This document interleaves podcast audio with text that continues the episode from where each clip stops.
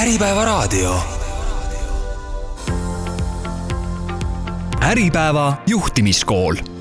juhtidel aitavad targemaid otsuseid teha Äripäeva Akadeemia ja IT-koolitus.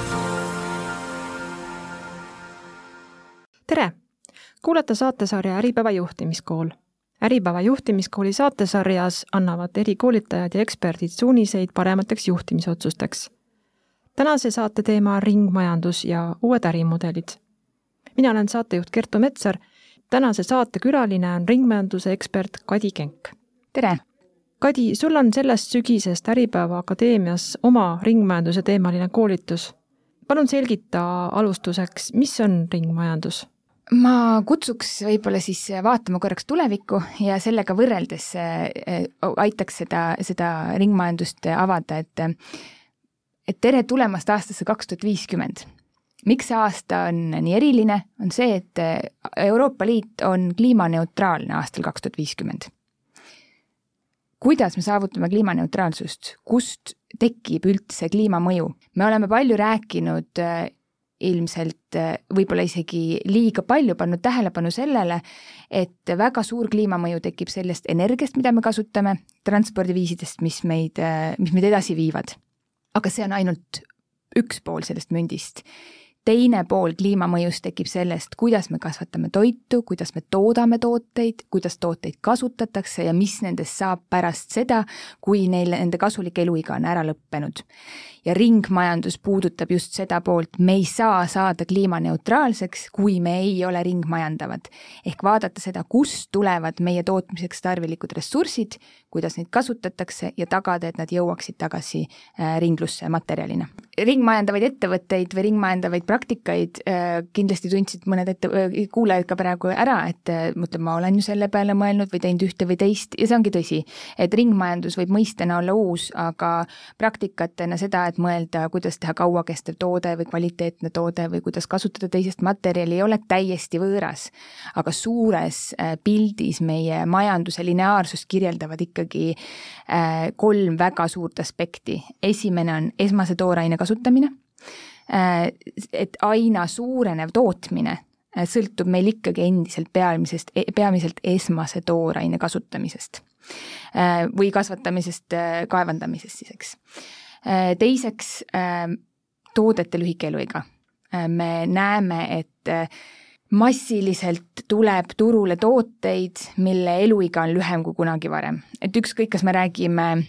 ühekordsetest nõudest või me räägime digiseadmetest, et mis on see kasulik eluiga, mis ühel tootel tegelikult on äh, ja, ja võrdleme siis seda kas või asjadega, mis on minevikus eksisteerinud ja kõrvutame siis, et kui kaua pidas vastu äh, sada aastat tagasi toodetud mantel või, või kell versus siis milline on, on täna, tänane toode, mis sam-, samaväärne toode, mis turule tuleb. ja kolmas lineaarse majanduse ähm, äh, massiline näitaja on jäätmeteke ja võimetus äh, tekkivaid jäätmeid sisendmaterjalina äh, taastootmises rakendada. nii et äh, noh, globaalselt võib umbes öelda nii, et kolm neljandikku kõikidest tekkivatest jäätmetest, mida tekib meil eelnevatest punktidest lähtuvalt kogu aeg aina kiiremini, kasvava tootmise juures aina rohkem, kolm neljandikku kas põletatakse ära, ladestatakse prügiladesse või satub loodusesse nii et ma ei armasta rääkida ressursipuudusest, kui ma räägin vajadusest ringmajandusele üle minna, sest meil ei ole probleemi ressurssidega, neid on meil väga palju, aga küll on küsimus, kuidas me neid kasutame. ettevõte võiks täna endalt küsida, et, et kust tuleb see sisend, millega ta oma toodet täna toodab, ta peaks teadma, mismoodi tema toodet täna tegelikult kasutatakse ja suutma juhtida ära seda, et selle toote eluea lõpp saab äh, kuskil mujal uue alguse ja vähemalt samaväärselt. ja mida see tähendab, on äh, võib-olla ettevõtetele on tuttavam ressursitõhusus ringmajandus on nagu ressu-, mitte, ressursitõhusus nüüd terve toote elutsükli vältel, mitte ainult sinu tootmisprotsessis ja siit tuleb nüüd see keerukas osa, sest et äh, oma tootmisprotsessi juhid sina ise. aga ringmajanduses on oluline koostöö ja erinevate osapoolte panus selle, äh, selle toimimisse. aga kuidas sa näed, et ähm, mis mille tingib, et mida meil on vaja selleks, et see, see muutus algaks? no mõne, mõne ettevõtte jaoks äh, jõuab muutus hästi valusalt kohale lihtsalt sellepärast, et võib-olla tema enda tootmise jaoks tarvilik sisendmaterjal on muutunud kalliks või täiesti kättesaamatuks siis on väga lihtne aru saada, et selge, mul on vaja kuskile mujale edasi liikuda äh, või teistmoodi teha. kindlasti võib täna öelda, et regulatsioonid on liikumas ambitsioonikamat sammu kui ettevõtted ise, mis tähendab, et, et muutused saavad osaliselt alguse sellest, et regulatsioonid ütlevad, kuidas midagi tohib teha või kas üldse tohib teha. et äh, siin me räägime sellest, et kliimaneutraalsuse tagamiseks, selleks, et meil oleks aasta kaks tuhat viiskümmend, kus muru on rohelisem ja päike paistab eredamalt, siis tänane inimene, see minevik, kuhu me peame vaatama, seal ei lennuta midagi kosmosesse, ei mürgitata, ei põletata, sest tulevikus on inimesi rohkem kui kunagi varem maakera peal kui me oleme suutnud vältida selliseid raiskavaid ja reostavaid praktikaid, siis on jõukust ka rohkem kui kunagi varem. tähendab seda, et see muutus peaks olema globaalne, et äh, kuidas sa näed, kas see liiga idealistlik ei ole, et see ju võib-olla Euroopa ja võib-olla mingisugused Aasia riigid, Ameerika äh, Ühendriigid suudavad äh, need regulatsioonid ja kokkulepped realiseerida, odavat räni üle veebi ostmise kiusatus on väga suur, see on kõik äh, avatud maailmas võimalik. Jah, reguleerija ilmselt on see peamine sekkuja siin, et et ilmtingimata ei pea olema mitte miski keelatud inimestele tulevikus, küll aga peab luksus raiskamisest ja reostamisest olema siis inimesele äh, võimaldatud, et, et kui sa oled äh, tõesti nii vajad seda raiskavat või reostavat toodet nii väga, siis tuleb sellega äh, lihtsalt arvestada ka, et sa maksad kinni selle mõju, mis, äh, mida see tekitab. olgu siis ka sinna kõrvale kohe öeldud, et igasugust keskkonnakahju ei ole võimalik hüvitada kinni makstes, sest mingi elupaiga hävinemine näiteks ei, rahaga seda tagasi ei too see on, see on see nagu kurb tõsiasi. aga kui me hoiame neid selles piirides, siis, siis me saame nagu väita, et, et kõiksugu para-, tarbimine võib olla võimalik, aga mõni on kallim kui teine ja mis ümber pöördub, on see, et et skaalal hakkavad toimima ettevõtted, mis võimaldavad tarka ta, ressursikasutust ja sellisel kombel äh, on suuremalt Äh, suuremad muutused toimuvad just, ju toimumas just selles, et teenused ja tooted, mida me tarbime, on kohalikumad. Äh, ressurss, mida me enda jaoks alles hoiame, on siinsamas ja me teenindame kohalikumalt, me loome rohkem püsivaid kohalikke töökohti, et muutus on osaliselt muidugi globaalne, aga, aga tegelikult see nagu robustne põhjus, miks ringmajandusest üldse nii palju räägitakse, miks seda üldse Euroopa Liidus nii äh, intensiivselt reguleeritakse, on ellujäämiseks vajalik äh, strateegia üldsegi, sest äh, Euroopa Liit täna sõltub üle poole oma majanduses imporditavatest materjalidest. Materjalidest, mis mujal maailmas on ka lõppemas ja jälle, kui me lähme tagasi sinna, et aga me toodame aina rohkem asju, mis aina kiiremini muutuvad jäätmeteks, mida me ei suuda ringlusse võtta, siis see on see tegelikult see aluspõhjus, miks me majanduses tahame öelda, et kui meil on juba kõik see vajalik ressurss, siis jätame selle endale ja kasutame seda selle jaoks, et ühest samast materjalist saaks rohkem väärtust välja võtta. Et me saame siis vaadata, et seda rikkust, mida me oleme maailmas täna juba endale kokku kaevandanud ja ostnud, me saame kasutada siin, me ei ekspordi äh, väärtuslikke metalle oma elektroonikaprügiga näiteks kuskile mujale äh, või ei võta naftatooteid, äh, mida me edaspidi ei tohiks enam kaevandada ja ei hävita neid ära kõige ebaefektiivsemal kombel. et, et see on ikkagi majanduse ümbermõtestamine ja selle kohalikumaks tegemine ja kindlasti on palju selliseid majandusharusid, mis muutuvadki kohalikumaks ja toidu tootmine on üks nendest näiteks. et palju rohkem, meie toidutarneahelad peaksidki muutuma lühe, lühemaks, kohalikumaks, seeläbi me hakkame juhtima seda, milline maakasutus meie enda kodu lähedal, mis muudab ka otseselt meie enda elukvaliteeti. aga kui me räägime aastast kaks tuhat viiskümmend, millest sa alustasid, et et mis, mis sinu nägemus on, et kui suur osa majandusest on ringmajandav ja kui suur osa on veel see nii-öelda endine, mis ei ole ringmajandav? Noh, ideaalmaailmas ei tohiks mitte midagi mitte olla ringlev, sest nagu ma ütlesin, see kliimamõju ja see kliimaneutraalsus, mida taotletakse, et see on muidugi visioon, aga see on vähemalt mingisugune suund, milles on otsustatud kokku leppida, et kui me, kui me tahame olla kliimaneutraalsed, siis tegelikult ei tohiks meil olla ka selliseid materjale, mida me kasutame selliselt, et need kunagi ringlusse ei jõua. et noh, siin me võime rääkida mingitest eranditest, aga need peaksid peaksid taanduma ikkagi sinna protsendi tasandile, et täna me oleme maailmas, kus äh, äh, circularity gap, selline raport, mida iga aasta äh,, iga-aastaselt koostatakse äh,, Äh, on hinnanud, et eelmise aasta näitaja ütles, et globaalselt oleme me umbes kahe protsendi ulatuses ringsed. No meil on veel pikk maa minna, et para-, paraneda, aga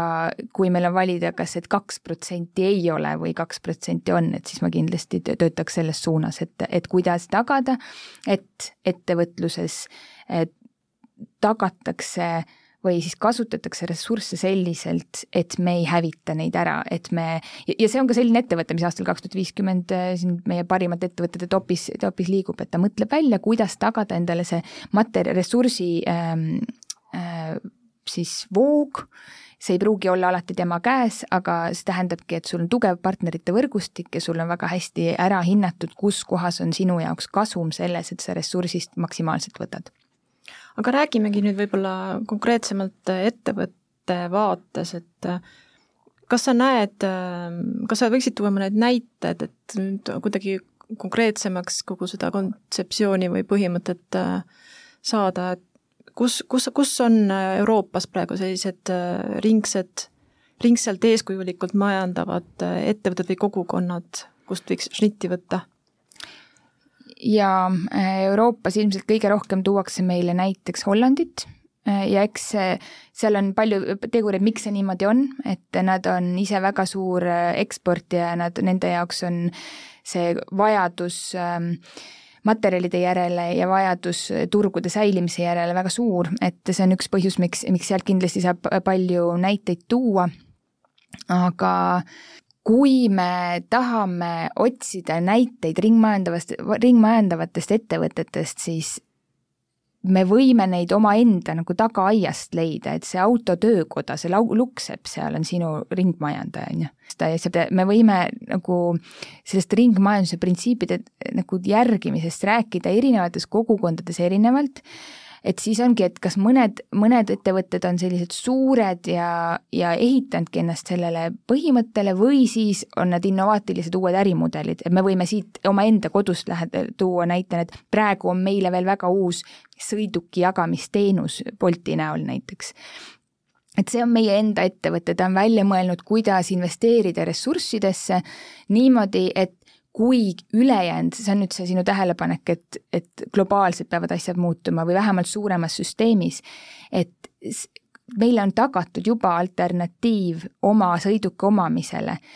me saame aru, et me ei saa kõike endale lubada elektriautosid, sellepärast et ressursi, mida on tarvis selleks, et täielikult olemasolev autopark elektrifitseerida, oleks täielik elurikkuse kriis planeedile et need ärimudelid, mis võimaldavad endiselt tagada sulle mobiilsus, aga ilma, et me peaksime nii palju ressursse selle jaoks kasutama, juba eksisteerivad. Et, et aga kindlasti tuleb sealt ka, tuleb ka rohkem innovatsiooni, mida me täna ei näegi. Ja ehk see on see, see äh, suurim takistus ka, mis ettevõtteid täna äh, ringmajandusele üleminekul äh, võib-olla kummitab, et me teame probleeme, me teame, miks võib-olla tänase ärimudeliga ei saa jätkata, kas täna, viie aasta pärast, võib-olla viieteist aasta pärast, aga see tegelik lahendus võib olla midagi väga lihtsat, a la parandusteenus, aga see võib ka tähendada midagi väga innovaatilist, uute materjalide väljatöötamist, mingisugust väga spetsiifilist kemikaali, mida on tarvis selle jaoks, et ma ei tea, me räägime mingitest pritsitavatest pakendmaterjalidest äh, siis äh, puuviljadele, mida saab maha pesta, ilma et tekitaks sellega reostust keskkonnale või tekitaks vajadust täiendavate pakendmaterjalide järele näiteks. et, et siin neid lahendusi võib olla nii, nii innovaatilisi kui ka selliseid, mida me igapäevas, igapäevaselt võib-olla noh, polegi harjunud mõtlema, et oh, see on küll tark lahendus, et näed, läksin, parandasin oma auto ära hoopis, mitte ei ostnud uut ja ei müünud seda vana lihtsalt varuosadeks aga kas,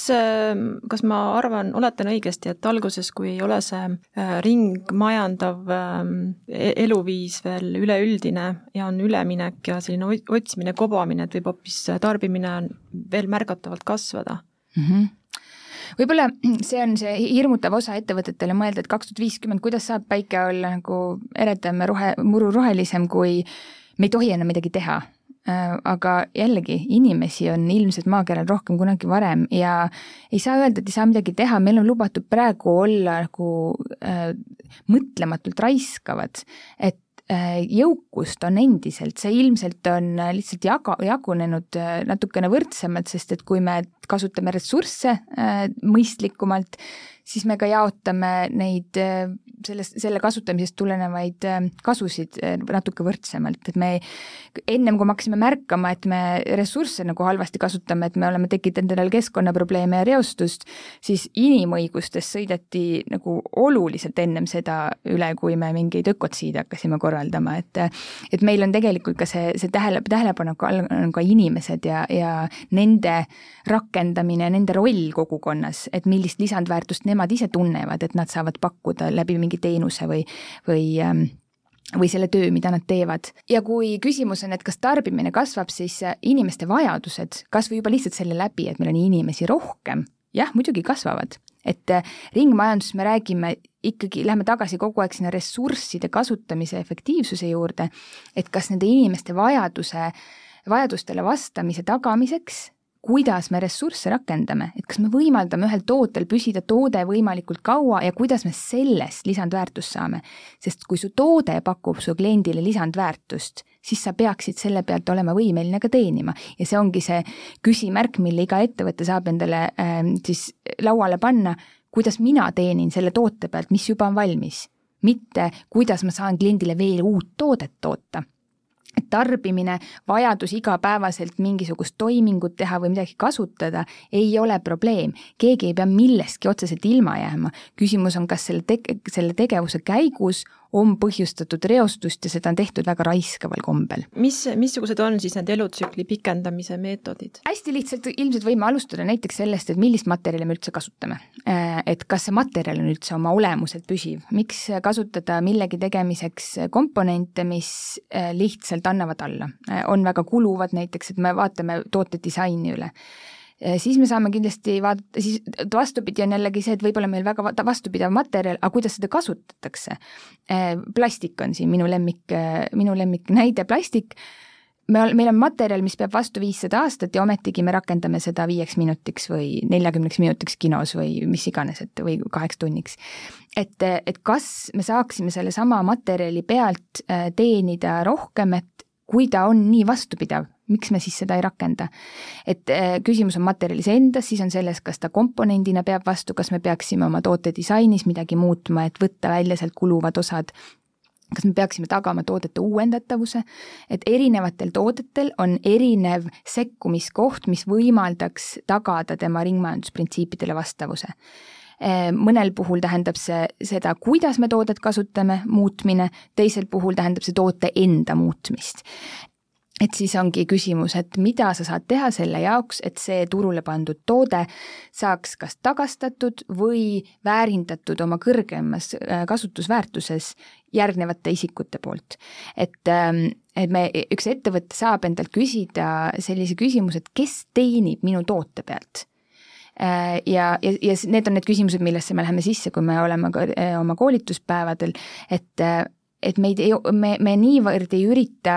vaadata seda kulu, mis tekib tootmisprotsessist, me tahame vaadata juba eksisteerivat toodet ja väärtust, mis me sealt saaksime veel ettevõttele täiendavalt tuua ja milliste lihtsate sekkumistega, me alustame lihtsatest, sest et äh, igalühel on vaja niisugust väikest võitu, millise sekkumisega on võimalik saada maksimaalset kasu, samal ajal on sellel ka positiivne mõju keskkonnale. kas sa oled maininud siin paar korda ärimudelit ja tootedisaini, praktilise meelega ettevõtja mõtleb, et et tal, mul on kasumlikum tegutseda nii, et ma ei, ikkagi ei mõtle kogu selle elutsükli peale. et kust see muutus tuleb, et hakkab mõtlema selle peale? Ähm, jah, ma olen nõus, mitte igaüks ei mõtle, ma, ma lööks äh, ettevõtet võib-olla kahte lehte, et, et kes tegelevad või, või, miks ei tegeleta veel äh, ringdisainiga oma ettevõttes, on üks, ma ei taha, teine, ma ei oska seda, kes ei taha, on ilmselt lihtsam mõjutada regulatsiooniga, et kui ei ole otseselt äh, äh, seadust, kui on tegemist seadusekuulekate ettevõtetega, siis nad lihtsalt ütleme, need on need ettevõtted, kes sörgivad muutustel sabas, võib-olla püsivad seal, võib-olla mitte, noh, see on niisugune looduslik heitlus siis aga on teised ettevõtted, kes ei oska, aga võib-olla näevad vajadust, et peaks. Ja nendel on uudishimulik meel, neil on valmisolek katsetada ja teadmised on alati võimalik omandada. et äh, loen ühe raamatu, käin koolitusel, et see, et, et, et ma ei tea, see on lahendatav, äh, uut informatsiooni, oskuseid oskame omandada, see teebki meist sellised fantastilised äh, loomariigi esindajad, me oskame mõelda uusi lahendusi välja. Äh, suurem väljakutse, et kui me räägime näiteks, mida koolitusel saab õppida ringmajandusest, et et mitte minna liiga laiaks kõik, mis majanduses on võimalik või mismoodi tooteid saab muuta,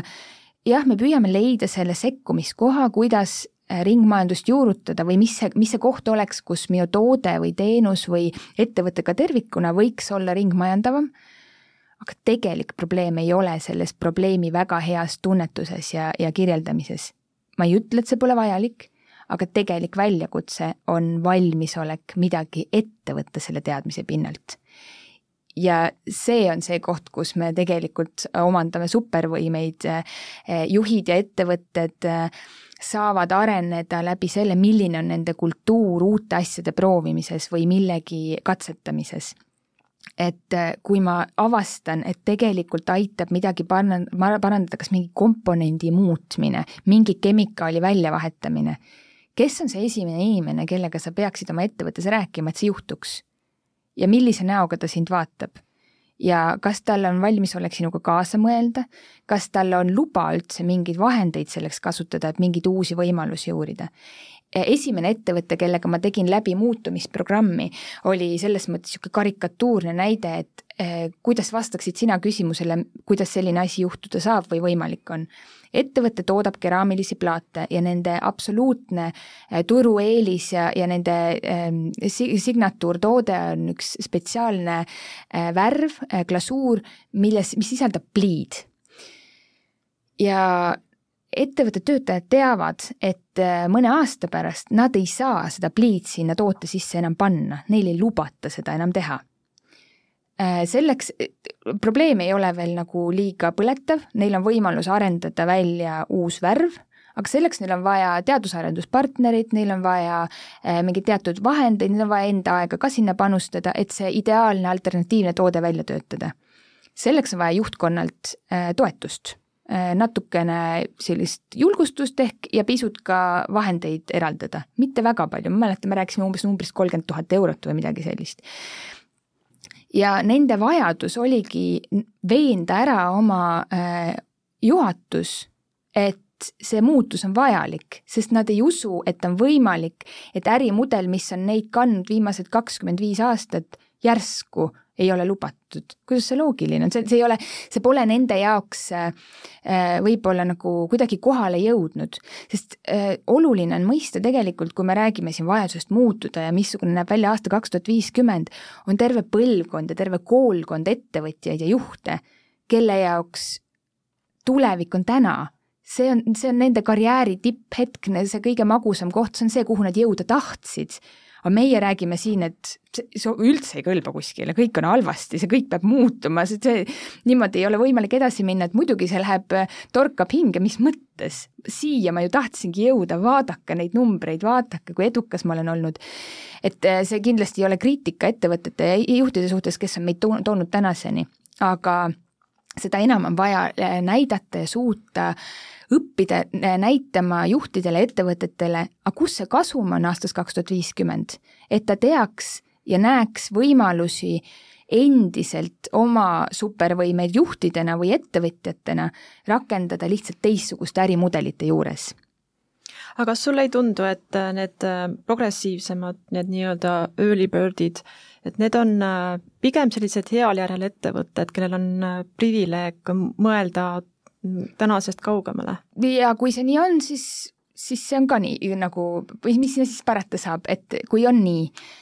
kindlasti äh, tasub muidugi vaadata, võimalusi on palju rohkem, et äh, vanad head klassikalised ettevõtted on läbi aegade kasutanud innovatsiooniks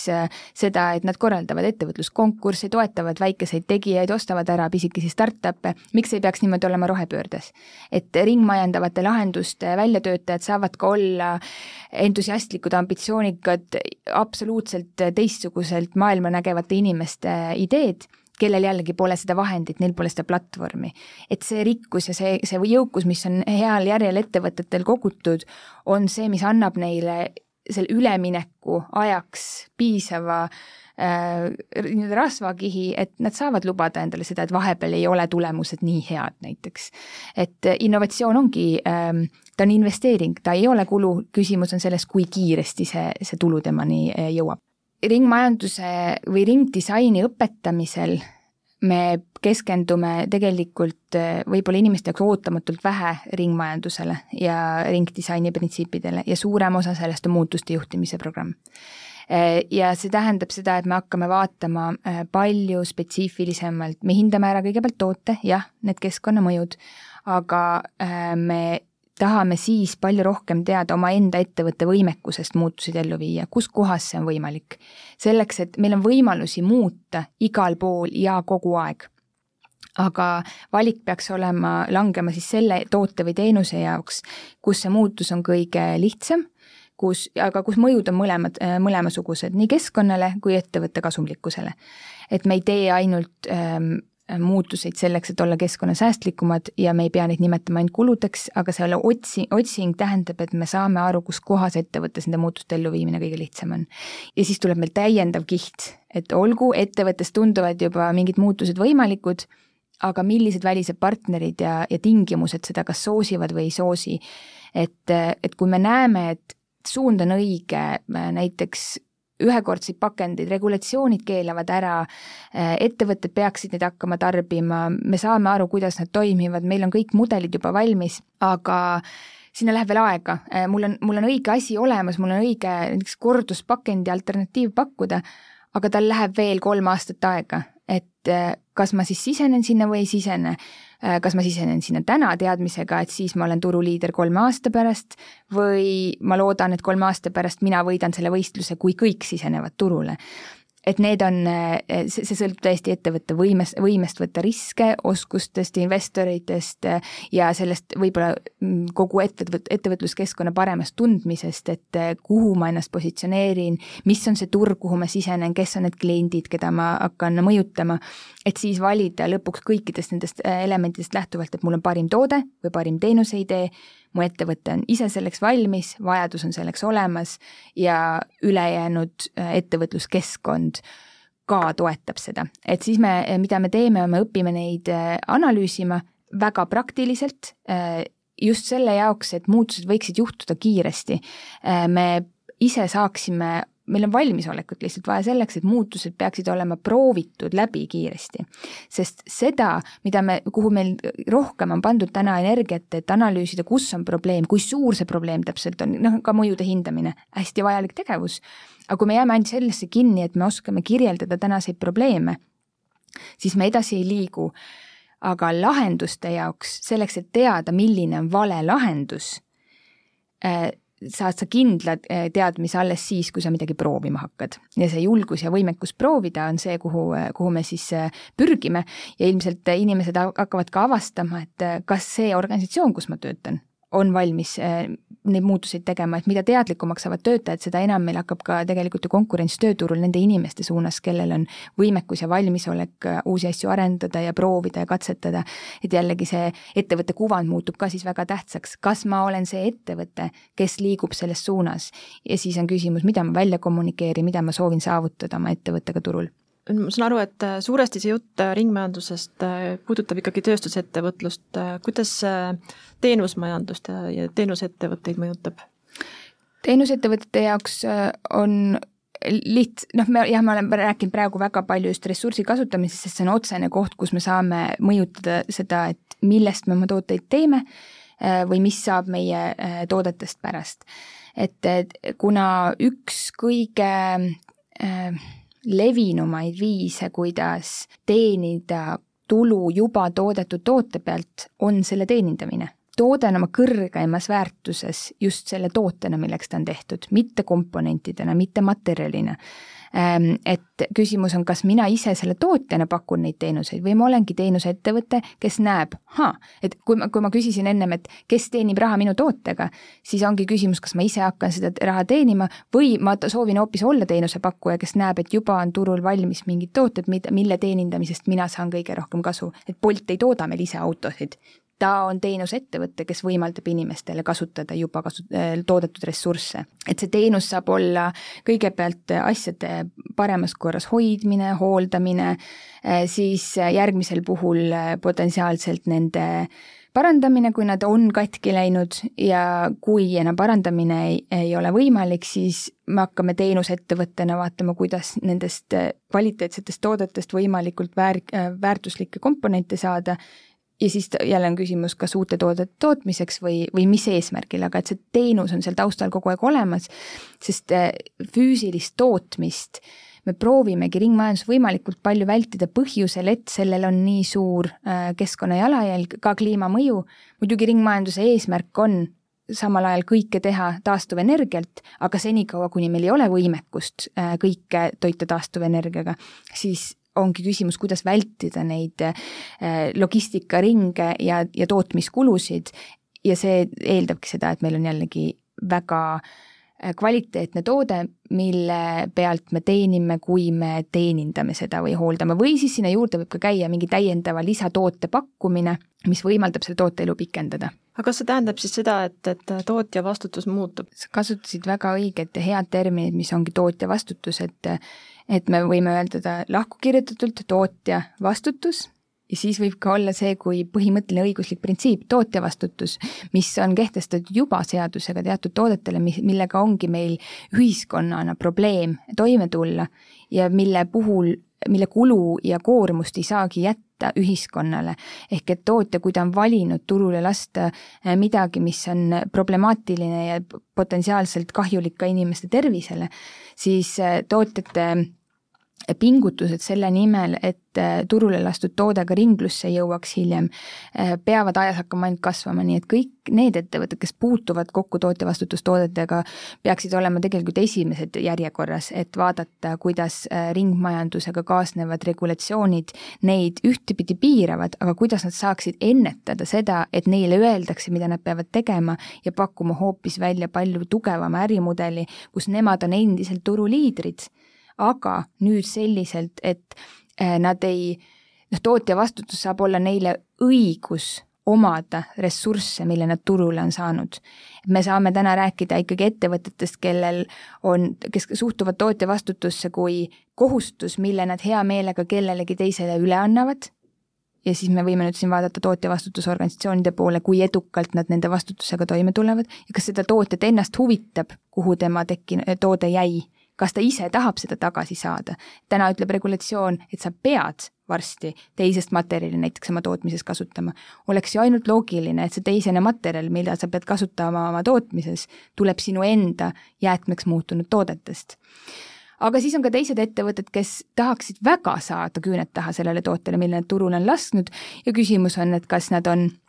oma ärimudelit äh, pole veel sinna suunas liigutanud, et nad saaksid turule lastud toote tagasi, et seda ise edasi uuesti kas müüa või hooldada või siis rentida või siis äh, äh kas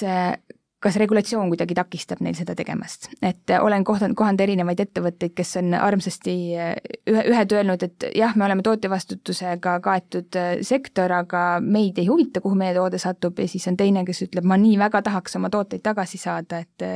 et mul on selleks ja siis nad kaardistavadki ära, mis on tema väljakutse ja mis ajaraamis ta saab sellise ärimudeliga arvestada, kus need väljakutsed on ületatud. mis sektorites see kehtib juba? No neid tooteid nimetatakse reeglina probleemtoodeteks ja seetõttu me saame rääkida ravimitest, autodest, rehvidest, ähm, elektroonikast, põllumajanduskilest, et neid tooteid, mis on probleemtooted, äh, on palju, äh, aga, aga neid tuleb ka juurde, sest äh, kui me olemegi vaadanud, et et isegi võib-olla maailmas kõige suurem probleem ei ole tekstiilid, aga jäätmehulkadest neid tekib aina rohkem ja kui me hindame, et kui palju kasvatat-, kasutatakse selles toodes esmast toorainet, kui pikk või lühike või lühenev on nende eluiga ja kas nad on äh, oma eluea lõppedes ümber töödeldavad, ta ei vasta mitte ühelegi nendele kriteeriumitele positiivse noodiga. seetõttu on see nüüd järgmine tootekategooria, mis on Euroopa Liidu regulatsioonides üsna peagi tootja vastutusega kaetud tooteliik, et tekstiili kasutamisel on tekstiilide tootjatel vaja ikkagi mitu korda läbi mõelda, mida ma täpselt turule lasen ja kuidas ma sellest siis kasu, kasumit teenin, kui ma enam ei tohi just niimoodi teha, just esmasest toormest nii lühikese elueaga äh, kemikaale sisaldavaid ringlusse võetamatust materjalist tooted. et need, need küsimused tegelikult on vaja veel täpsemalt ära reguleerida, muutused ilmselt ennem ei juhtu, sest see on jälle niisugune väikene nagu kontrollküsimus, et ettevõtted, kes tegelikult disainivad tooteid, kas nad on tuttavad jäätmeseaduse paragrahviga, mis ütleb juba, millistele tingimustele toode vastama peaks? ja kas nad on just sellega arvestanud, kui nad toote turule lasid, et, et soovitan siin minna äh, Äh,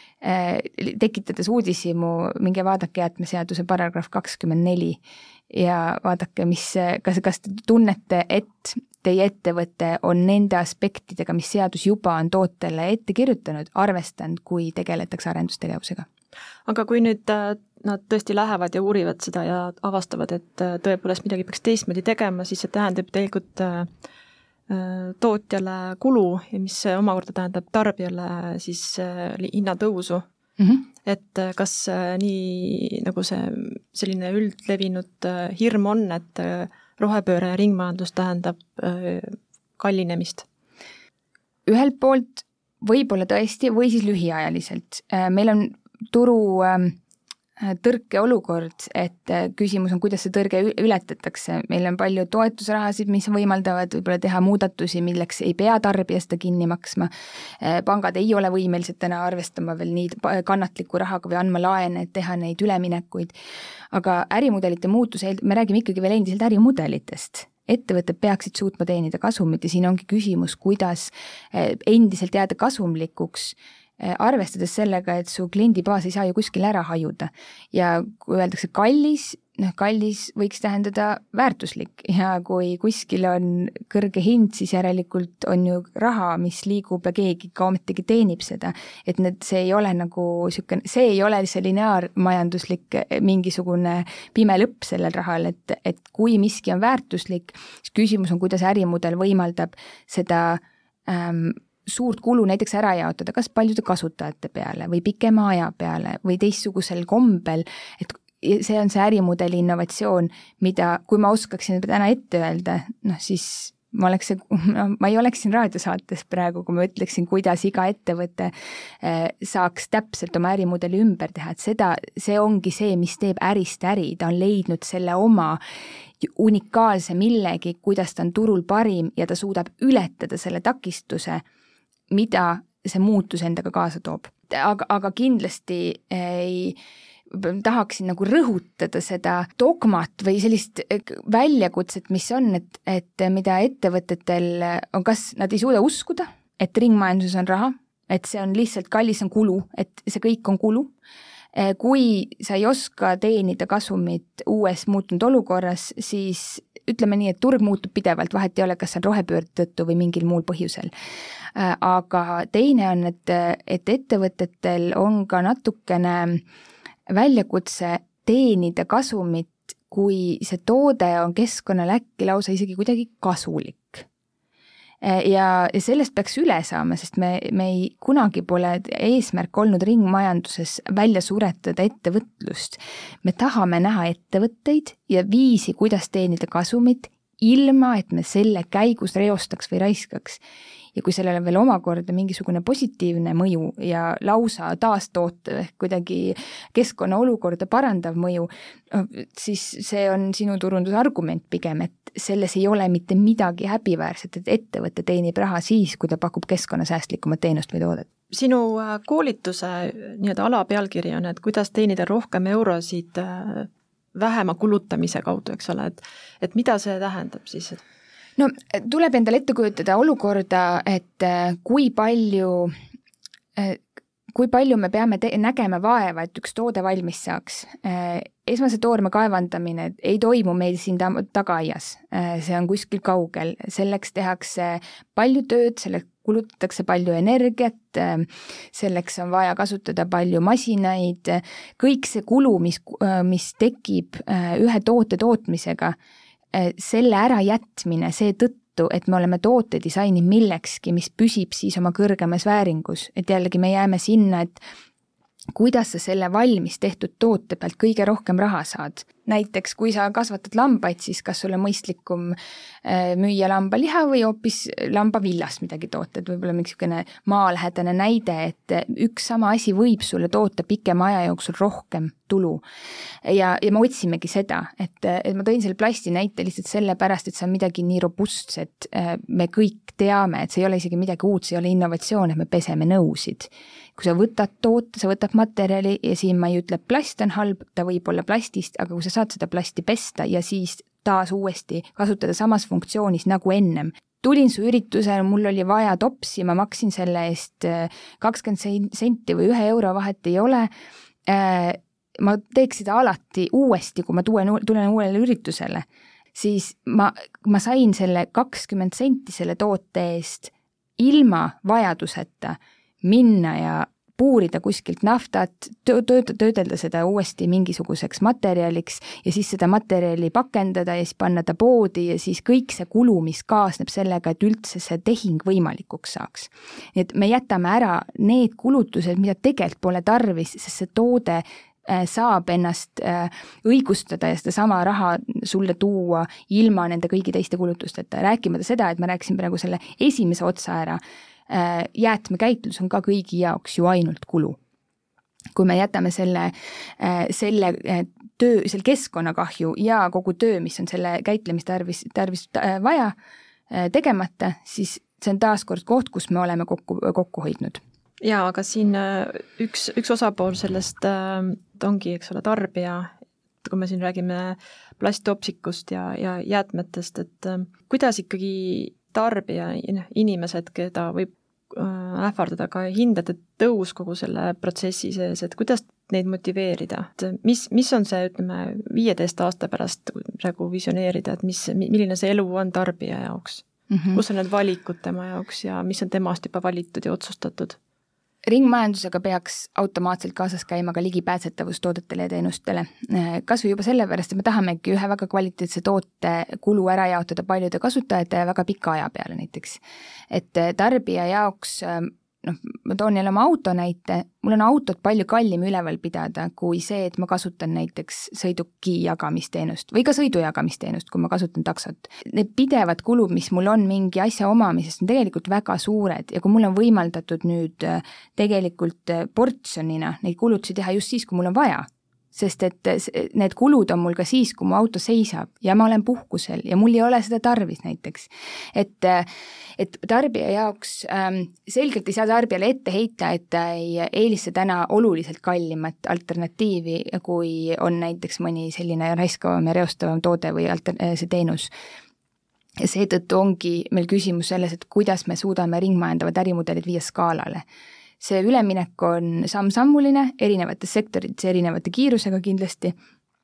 aga siit tuleb ka siis ka mängu see avaliku sektori roll, et majandus ei toimi selles kohas täiesti iseseisvalt niimoodi, et turg paneb kõik paika, turg paneb praegu asju paika selle järgi, et kõik, mis on lubatud, seega regulatsioon seal taustal peab hakkama toetama ja tegema kasumlikumaks selliste võimaluste tarbijateni viimise, mis on talle selgelt nagu vajalikud, aga siis ka, mida ta on, suudab eelistada. et, et ma tahan, aga see on ju loogiline, et ma ei osta kallimat asja, ma ei saa igal koha, igas, igal sammul teha seda enda jaoks kulukamat äh, võim-, nagu valikut siis. meie saateaeg hakkab lõppema ja seetõttu ma küsin, et keda sa ootad oma koolitusele, et kes need on, kellel oleks praegu kõige suurem vajadus, kellel oleks kõige kasulikum tulla ringmajanduskoolitust kuulama? Äh, uudishimulik äh, ettevõtja, juht, arendaja, disainer, ka turundaja kellel vähegi on tunne, et kas ringmajandus võiks olla see miski, millest rääkimine aitaks talle anda turueelise, kas selle juurutamine annaks turueelise, kas ma üldse tean, mis see on, et kindlasti saavad inimesed baasarusaama, ma olen koolitanud seda ettevõtteid, kes tulevad, et kas meil on ka midagi ringmajandusega peale hakata ja siis äh, pärast, kui nad ära lähevad, siis mina saan ainult äh, nende poole kummardada, öelda, et te olete kõige ägedam ettevõte üldse, te lihtsalt ei teadnud, et te vastate kõikidele ringmajanduse nõuetele või siis nagu põhimõtetele. et kui ma ei tea, tule, sa saad teada, sa oskad kirjeldada paremini, kus te olete juba ressursitõhusad, kõigil ettevõtetel on mingi hea lugu, mida rääkida. aga mida me siis veel vaatame, on, et mis see järgmine samm võiks olla, kus me paremad saaksime olla ja saada siis julgustust, kuidas seda järgmist sammu teha. ja kuna uute sammude tegemine on natuke hirmutav, see on muutus, mida meil on tarvis ellu viia, siis äh,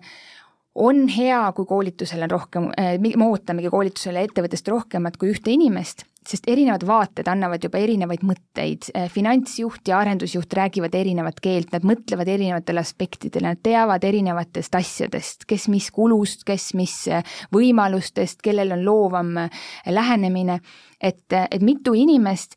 esiteks sellepärast, et see aitab välja mõelda paremaid järgnevaid samme, aga see ka aitab inimesi toetada selles päriselus, kui sa nüüd lähed koolituselt koju ja siis ettevõttesse ja sa pakud selle järgmise mõtte välja,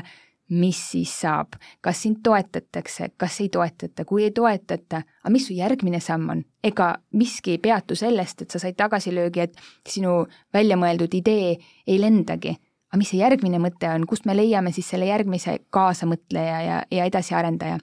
et, et kindlasti äh, igasugune huviline äh, ideeliselt äh, äh, valmisolekuga oma ettevõttes muutusi luua ja, ja hea oleks, kui võtate kaasa siis äh, mõne võib-olla endaga kõige rohkem vastanduva kolleegi sest siis te teate kohe kindlalt ja saate sellest palju suuremat julgustust, et kui te lõpuks mingile tulemusele jõuate, siis see tulemus lendab ilmselt rohkem kui ainult teie enda mullis aitäh, Kadi! täna oli meil äh, külas ringmajanduse ekspert äh, Kadi Kenk, kes tutvustas meile ringmajandust ja, ja rääkis põgusalt ka ringmajandusteemalisest koolitusest, mis Äripäeva Akadeemias sel sügisel toimub. mina olin saatejuht Kertu Metsar, järgmiste kuulmisteni!